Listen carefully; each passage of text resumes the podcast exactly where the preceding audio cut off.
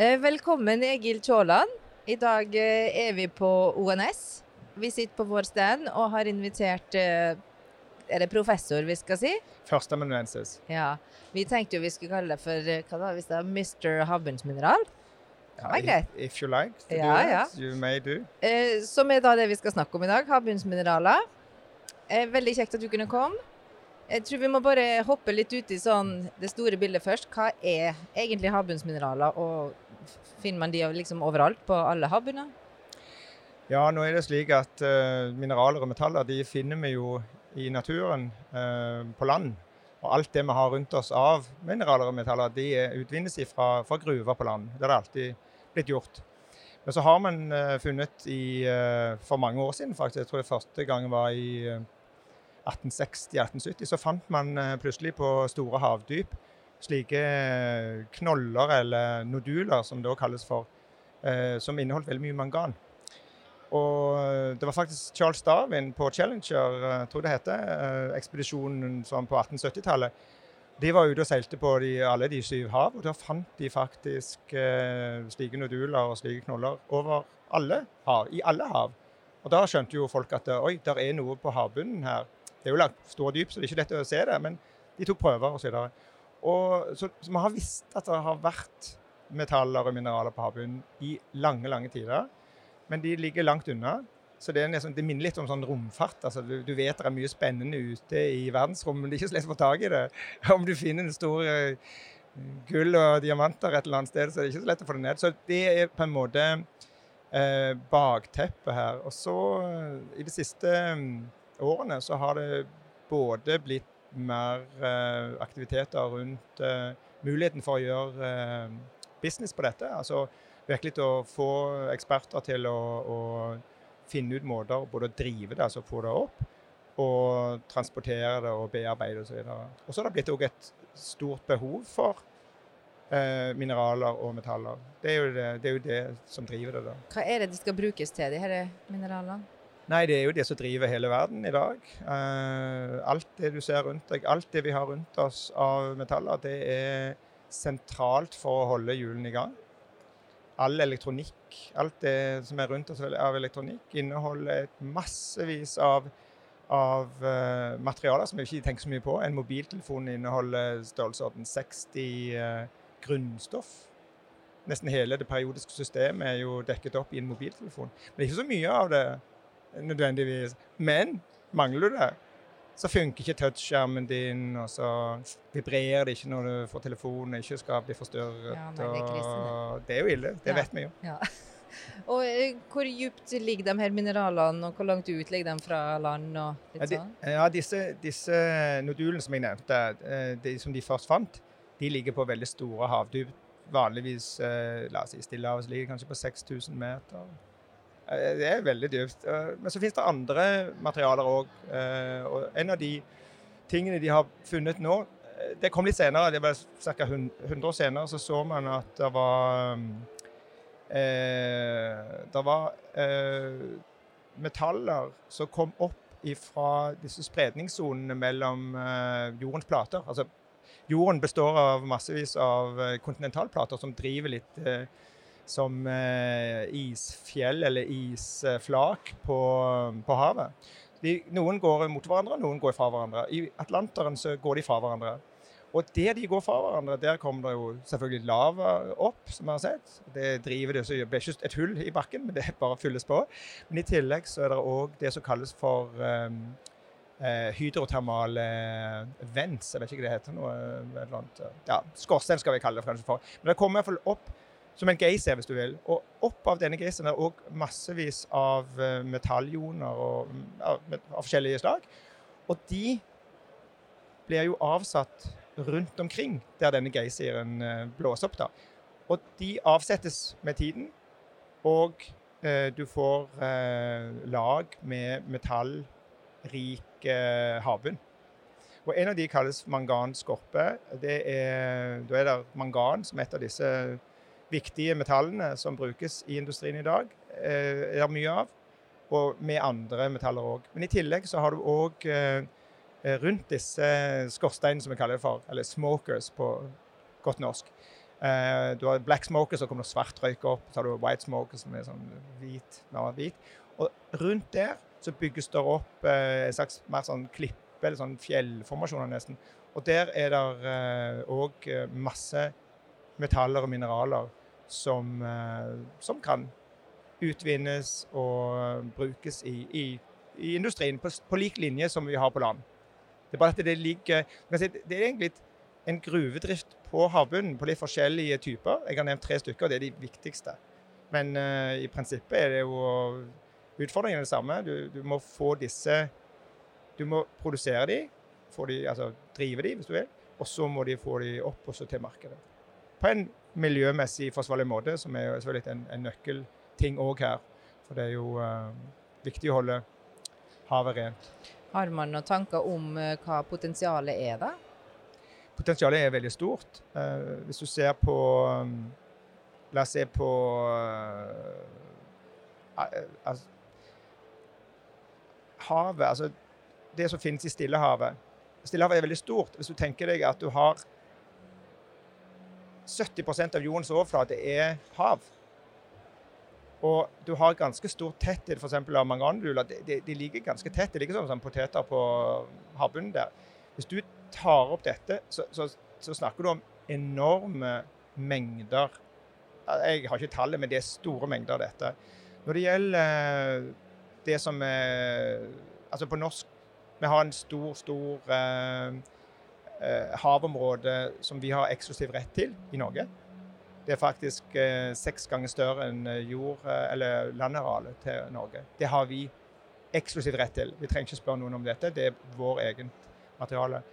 Og eh, Oljedirektoratet de har nå vært ute på tokt i eh, de siste fire-fem årene og tatt prøver for å finne ut hvor mye ressurser det er og i tillegg så har eh, forskningsinstitutt og universiteter vært ute i en årrekke og tatt prøver. Så du kan si at vi har, eh, vi har en begrenset eh, kunnskap på hvor store ressursene er. Du må egentlig ned og begynne å sjekke det opp i litt større eh, drift for å finne det ut. Men potensialet er stort. Og Det er derfor det er stor interesse for dette fra mange selskap. ønsker gjerne å gå ut. Men man vet ikke før man har tatt mer prøver. For det, det, er, få, det er, et stort område vi snakker om, og det er tatt relativt få prøver. Men, men det er gjort mange prøver som har funnet spennende metaller. Viktige for å drive en, en business. Altså viktige for typisk grønn industri. For det er mange av de materialene som brukes i, i vindmøller, de brukes i solpanel Eh, ja.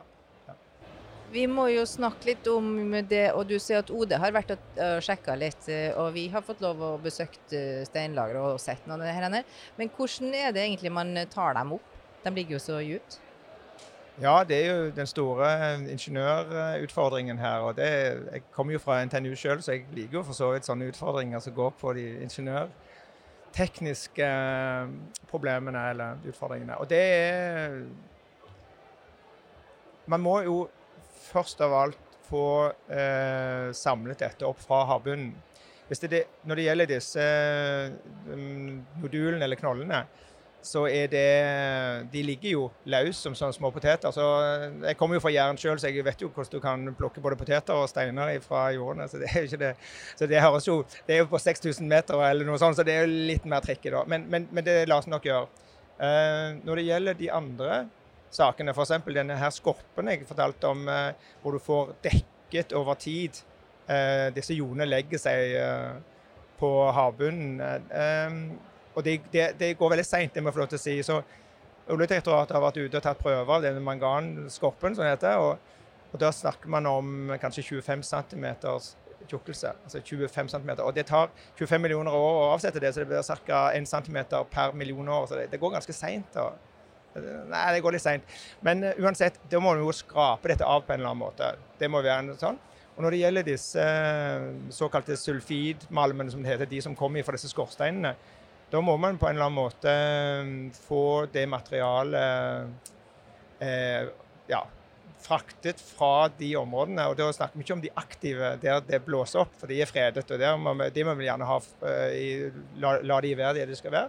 Men det er de som da er enten utdødde, eller de som da har vært en sånn type geysir, eller sånn, som nå er forlatt, eller som nå er, vi kan kalle den for død. Det er sånne områder man ser for seg. Men så må jo dette opp. Og det, vi snakker jo om igjen ganske store dyp ute i Atlanterhavet. Det er 2000-3000 meter dybde. Det er det. Og da må jo dette opp til en eller annen måte å frakte dette vekk på. Og Da er det jo mange forslag. Man kan jo bruke teknologien fra oljeindustrien. og Da bruker man stigerør. Det er jo en vanlig måte å ta opp eh, olje og gass på. Og Da kan man jo tenke seg at man kan ha en sånn eh, blanding av eh, materiale og vann og noe slikt for å få det opp. Noen pumper og en del utfordringer. Men dette er jo det som alle vi her på ONS ser rundt på hver sving alle mulige teknologier som kan løse dette, tror jeg. Men så er det det neste punktet. Man må jo òg få dette på en eller annen båt. Og så må det jo bearbeides, akkurat som i oljeindustrien. Man har jo en blanding som kommer opp fra bunnen, som skal jo separeres og fikses. Det er litt annerledes her, for her må man bruke eh, Man må jo raffinere dette her til en viss grad før man sender det da til land for å brukes da i industrien. Jeg vet ikke hvor mye som trengs før det blir eh, økonomisk bærekraftig. Så det er noe greier der òg. Og så har du det med energi. Du må jo ha energi eh, til å drive dette. Det, du trenger noen, noen, megawatt for å kjøre dette her. Pumper eller whatever. Så du har en masse interessante utfordringer som, jeg, som du òg møter i oljeindustrien. forskjellen er her at du må bruke mer av kunnskapen som gruveindustrien har. De kan jo dette her på land. Så vi må bruke en del av den kunnskapen. Samtidig som vi bruker den, eh, den kunnskapen fra olje og gass når det gjelder subsea-operasjoner. Alt som går nede i store havdyp. Det er jo der vi er flinke, og veldig flinke i, i norsk industri. Så vi har et fortrinn, mener jeg. Dette er jo ting som vi kan ganske godt. Og så lærer vi av den andre industrien, typisk gruven sier, så får vi det til. Men uh, igjen så er det å i tillegg bruke den kompetansen som Norge har på å være miljøbevisste innenfor olje og gass. Der får vi ikke lov til å gjøre noen ting galt. Vi må være veldig opptatt av dette. Og den kunnskapen som sitter så dypt forankra i alle oss, tror jeg, den tar vi den med oss i en slik framtidig industri så tror jeg at det kan bli det beste rollemodellen for en slik global industri. For det vil jo bli en global industri, dette. Men vi kan komme med at vi kan vise eksempelet. Vi kan utvikle industrien i Norge, og forhåpentligvis kan vi eksportere den ut. Og kanskje bli globale aktører. Vi må litt inn på uh, sikkerhetsaspektet. Nå har jo Petroleumstilsynet fått uh, ansvar, altså havbunnsmineraler som en del av vårt uh, ansvarsområde. Um, så nå vet jeg ikke, Har du gjort deg noen tanker på sikkerhetsutfordringer med Først blir det jo en konsekvensutredning. Um, ser vi for oss konsekvenser for økosystemet i havet? Ser vi, hva ser vi for oss der? Ja, nå er det jo en prosess som har foregått i, siden 2020, der um, Olje- og energidepartementet med OD i spissen har uh, laget en konsekvenshøring, uh, eller utredning. Og Den er vi i sluttfasen på. Uh, det vil si at i løpet av 2022 så har vi en rapport som har vært ute, spurt alle eh, aktører innen dette hva de mener om dette. Og da, den rapporten som da blir skrevet, den ble lagt fram for Stortinget til eh, bestemmelse andre kvartal neste år. Så andre kvartal neste år, da, da bestemmer politikerne om vi skal åpne opp det norske eh, farvannet det, vi snakker om 560 000 kvadratkilometer, halvannen gang Norges eh, landareal er lagt ut til eh, mulig leting. Og da er det politikerne som bestemmer dette her. Det er, men, men arbeid, grunnarbeidet er gjort gjennom uh, Olje Energi og Oljedirektoratet.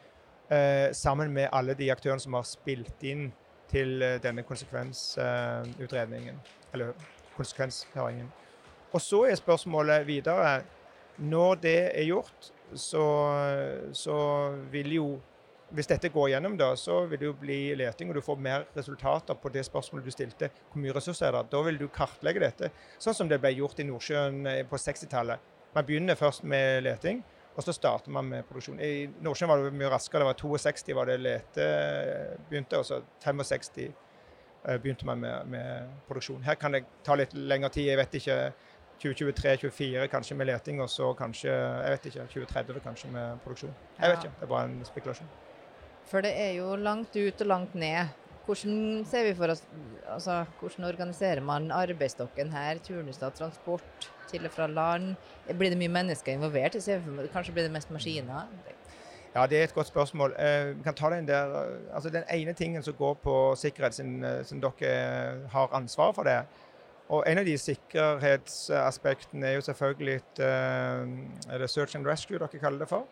Altså Hvor man må rett og slett eh, ha helikoptertransport. selvfølgelig. Nå, nå er den midtatlantiske ryggen, altså eh, midtlinja mellom Amerika og Europa, hvis du vil, den ligger, den ligger langt ute. Den ligger ca. 400 nautiske mil. Omregna det, så er det ca. 700 km. Det er lenger enn helikoptrene våre går i dag. Altså Ekofisk ligger på 167 uh, nautiske mil. Så helikoptrene de er jo vant med sånn rundt 200 nautiske mil. Jeg hadde flaks jeg traff en kompis av meg som er helikopterpilot uh, ute på Nordsjøen, så jeg spurte han bare. Så det er litt sånn sikret.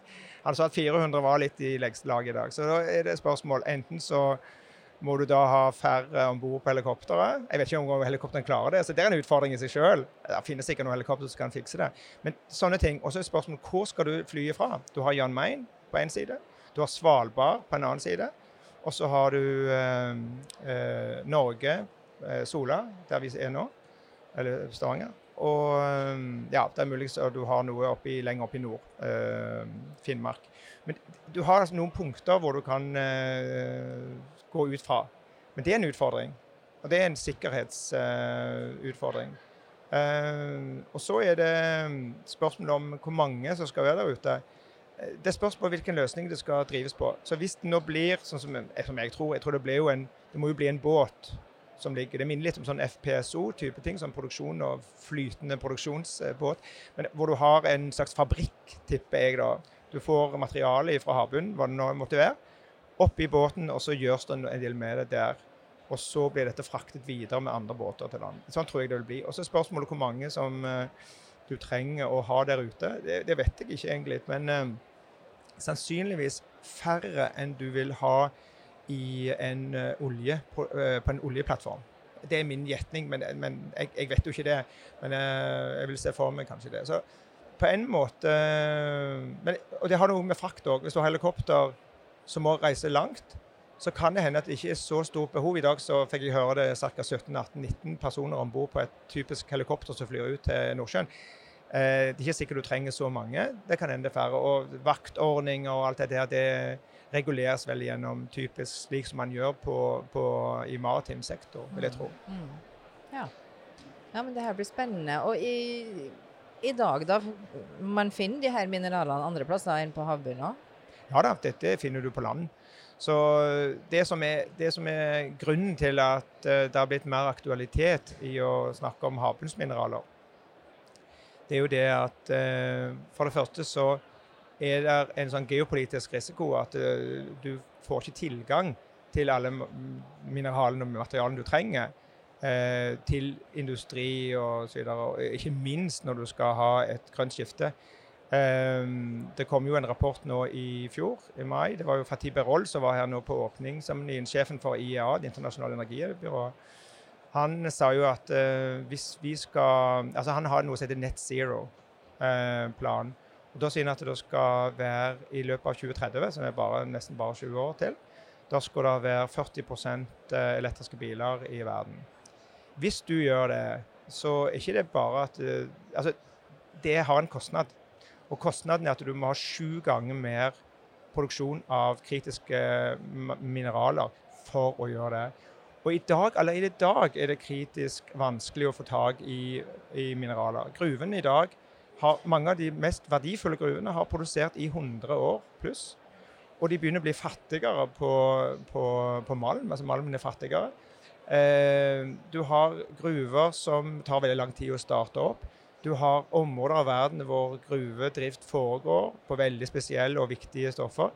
Hvor du har dårlige arbeidsforhold. Du har eh, geopolitisk utfordring noen plutselig stenger av. Du får kanskje tilgang av forskjellige grunner. Du er ikke venn med de rette landene osv. Og, og det gjør jo at for å både oppfylle lovnadene til politikerne om null utslippssamfunnet. Og, og, det med, bare for å si det, det med de 40 i 2030, det er jo bare begynnelsen. Du skal jo ha i løpet av 2050 så skal du være, om det ikke er 100, så er det iallfall 80 elektriske biler. Og I dag er det kanskje 12% eller noe sånt. Så det er sånn massiv eksplosiv, eksponentiell, som eh, Elon Musk forklarte oss på mandag, eh, vekst. Det vil si at eh, det må komme en sted ifra. Og da tenker jeg at når du vet at utenfor stuedøra di omtrent, eller ute i havet, så ligger det store verdier. Vi vet ikke hvor mye det er, men vi vet det er mye der ute. Så vil det bli et viktig supplement. Jeg sier ikke at dette kommer til å ta over, eller, men det er et supplement. Fordi eh, det vil selvfølgelig bli gruvedrift drevet i uh, uoverskuelig framtid. Uh, et eksempel som er litt spesielt. altså Europa var en stor gruve et stort gruvekontinent før. Nesten all gruvedrift foregikk i Europa. Norge var en stor gruvenasjon. Og nå produseres 3% av verdens mineraler i Europa. Men vi bruker, vi forbruker 25 det, det er et annet misforhold. Og folk vil ikke ha gruver rundt seg. De vil ikke ha det Not in my backyard. De vil ikke ha det. De vil, de vil ha det en annen plass ifra. Men når de andre nødvendigvis ikke gir deg dette, av en eller annen grunn, hva da? Da er du sårbar. Og det har vi sett i det siste, hvor sårbare vi er når en viktig ingrediens i vår uh, industrimiks plutselig ikke er der. Da sitter vi der. Og Da er det veldig viktig å sikre seg, og iallfall se på mulighetene for å kunne ta øh, og finne andre kilder til viktige råstoff. Dette er et veldig viktig råstoff. Det er faktisk Ifølge denne rapporten som uh, IA kom ut med, så er jo det er jo det som skal drive verden framover mot det grønne skiftet. For det er jo ikke en fornybar ressurs, eller det er jo det, men tar så mange milliarder år at man kan vel ikke kalle det en fornybar ressurs? Nei, jeg tør nesten ikke å bruke ordet fornybar. Det, det var, altså, tja. Eh, jeg sa jo det at denne her, eh, disse her eh, manganskorpen, det var Jeg pleier, pleier å sammenligne det med sånn eh, tannstein. Det er ting som, som du, det, det, vokser ve veldig seint, uansett hva som skjer, så vokser det noe på overflaten. Men her vokser det veldig seint. En centimeter på en million år, det er jo, det er jo litt seint. Men, men, det vokser, da. Altså, det er jo fornybar. Altså, så det spørs hva du mener med fornybar. Eh, en form for fornybar, men jeg er enig i at det er jo for så vidt ikke det, nei. Men den siste, siden du nevnte det, så, så, så, må jeg jo nevne at den, den fjerde komponenten Fjerde? Nei, det var stygt å si fjerde. men en viktig komponent det er jo selvfølgelig resirkulering. Det er jo det som er så viktig her. Så i tillegg til å gå på land og gå i havet osv., så, videre, så er det jo viktig at vi blir flinkere til å resirkulere det som allerede har på bakken. Det har jo kommet opp. Vi har jo produsert det. Og så kan du tenke deg på sikt I Norge er jo veldig gode på dette her. Altså colabokser, sendes inn og resirkuleres og smeltes om osv. Så, videre. så Norge er jo særdeles god på dette. Men det gjelder jo på aluminium. Men eh, hvis du går på andre materialer, litt mer sånn eksotiske materialer, så er det omtrent ingen resirkulering. Sjeldne jordarter, som er jo sånne, sånn nøkkelgreier som inni mobiltelefonen og i PC-en og sånne ting, som du ikke ser. Det er små bitte litt sånn krydder man har for å fikse ting. Disse touchskjermene og alt det der. Det er litt sånn smått. De resirkuleres ikke det er for vanskelig å få det ut. sant? Men jeg hørte på radioen at nå oppfordrer de veldig til å levere inn gamle mobiltelefoner som folk har liggende og slengt, fordi at de har bruk for å ta som du sier, resirkulering av det som finnes inn allerede. Men ja, altså, jeg, jeg syns jo at alle ting du gjør, blir til det bedre. Og så blir det jo mer symbols, eh, symbolsverdi kanskje på det, men selvfølgelig, hvis du gjør det, så får du selvfølgelig litt ut mer materialer. Men men igjen så, så, så, så, er ikke det nok, fordi du skal ha en sju ganger økning av eh, mineraler og metaller for det grønne skiftet. Da hjelper det ikke å resirkulere, for da er du ikke, er du ikke på sju ganger da. Du skal ha økning. Så du må gjøre det i tillegg til å få mer opp. Da kan du få fikse dette. Hvis du skal fylle Nordsjøen med havmøller, f.eks., så krever de sterke magneter. Da er det f.eks. sjeldne jordarter. De må jo skaffes.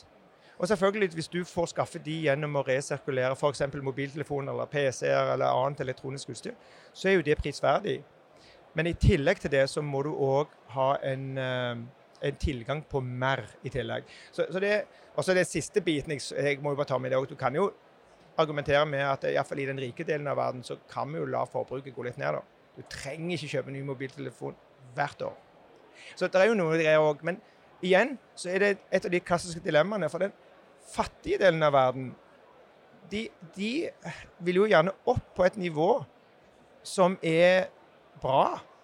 Som vi betrakter som bra. Og da fortjener jo de å få del i en del av de godene vi har. Så hvis du skal tenke det, så tenker jeg at vi kan gå ned, eller den rike verden kan gå litt ned. Og så passer vi på at de andre går opp. Fordi eh, Det er litt urettferdig hvis vi bare krever at alle skal kutte ned når de ikke har noe fra før. Ja. Helt til slutt, eh, er det noen andre land som ligger foran oss i det her eh, løpet om havbunnsmineraler? Altså, det som er veldig spesielt nå, det er at Norge starter denne prosessen som nå Oljedirektoratet jobber med, og Olje- og energidepartementet. Og vi, en, vi fikk en lov en, eh, en havbunnslov i 2019. Og så har vi denne konsekvensutredningen som går nå, og så skal det besluttes på, eh, i andre kvartal neste år. Så det som nå skjer, er at resten av verden ser til Norge. Så det vi opplever i Norge nå, det er at det kommer representanter fra andre land og spør hva som skjer her. Og da kommer de fra de store industrilandene og lurer på hva som skjer. Fordi eh, Norge har et veldig godt renommé. Og Norge har vist gjennom den fantastiske historien med olje og gass at vi klarer å få ting, ting selv om vi starter med blanke ark. Da vi fant olje og gass i Nordsjøen, så var vi helt blanke på dette. Kunne ingenting om det, men lærte det i rekordtid. Og har blitt nå en ener på mange av de områdene. Så um, jeg tror at uh, Jeg vil si at Norge er den, det mest spennende landet i verden akkurat nå når det gjelder havbunnsmineraler. Folk følger med hva vi gjør. Og uh, jeg tror vi kan sette en veldig god standard hvis vi, hvis vi, hvis vi nå gjør det rett, som jeg tror vi gjør, så, så vil vi sette en slags uh, god standard på dette. Så bra. Satser vi på det. Vi skal bli best i klassen. Det syns jeg er en god idé å satse mot. Tusen takk for at du kom. Det her var kjempeinteressant. Så får du bare kose deg videre på ONS. Du skal vel rundt og ha litt foredrag, eller skulle du lede en sesjon? Ja, jeg skal nå klokka halv tre ned og, eh, i Senterkorten og snakke om grønt skifte. Ja. Så det blir jo moro, da. Da er det en sånn paneldebatt. Så det er veldig kjekt å, å snakke om ting som er både viktig og interessant og, og utfordrende. Da kan det hende vi kan eh, ta oss en tur og høre på. Så bra. Tusen hjertelig. Tusen takk for at jeg ble invitert. Det var veldig kjekt å snakke med deg.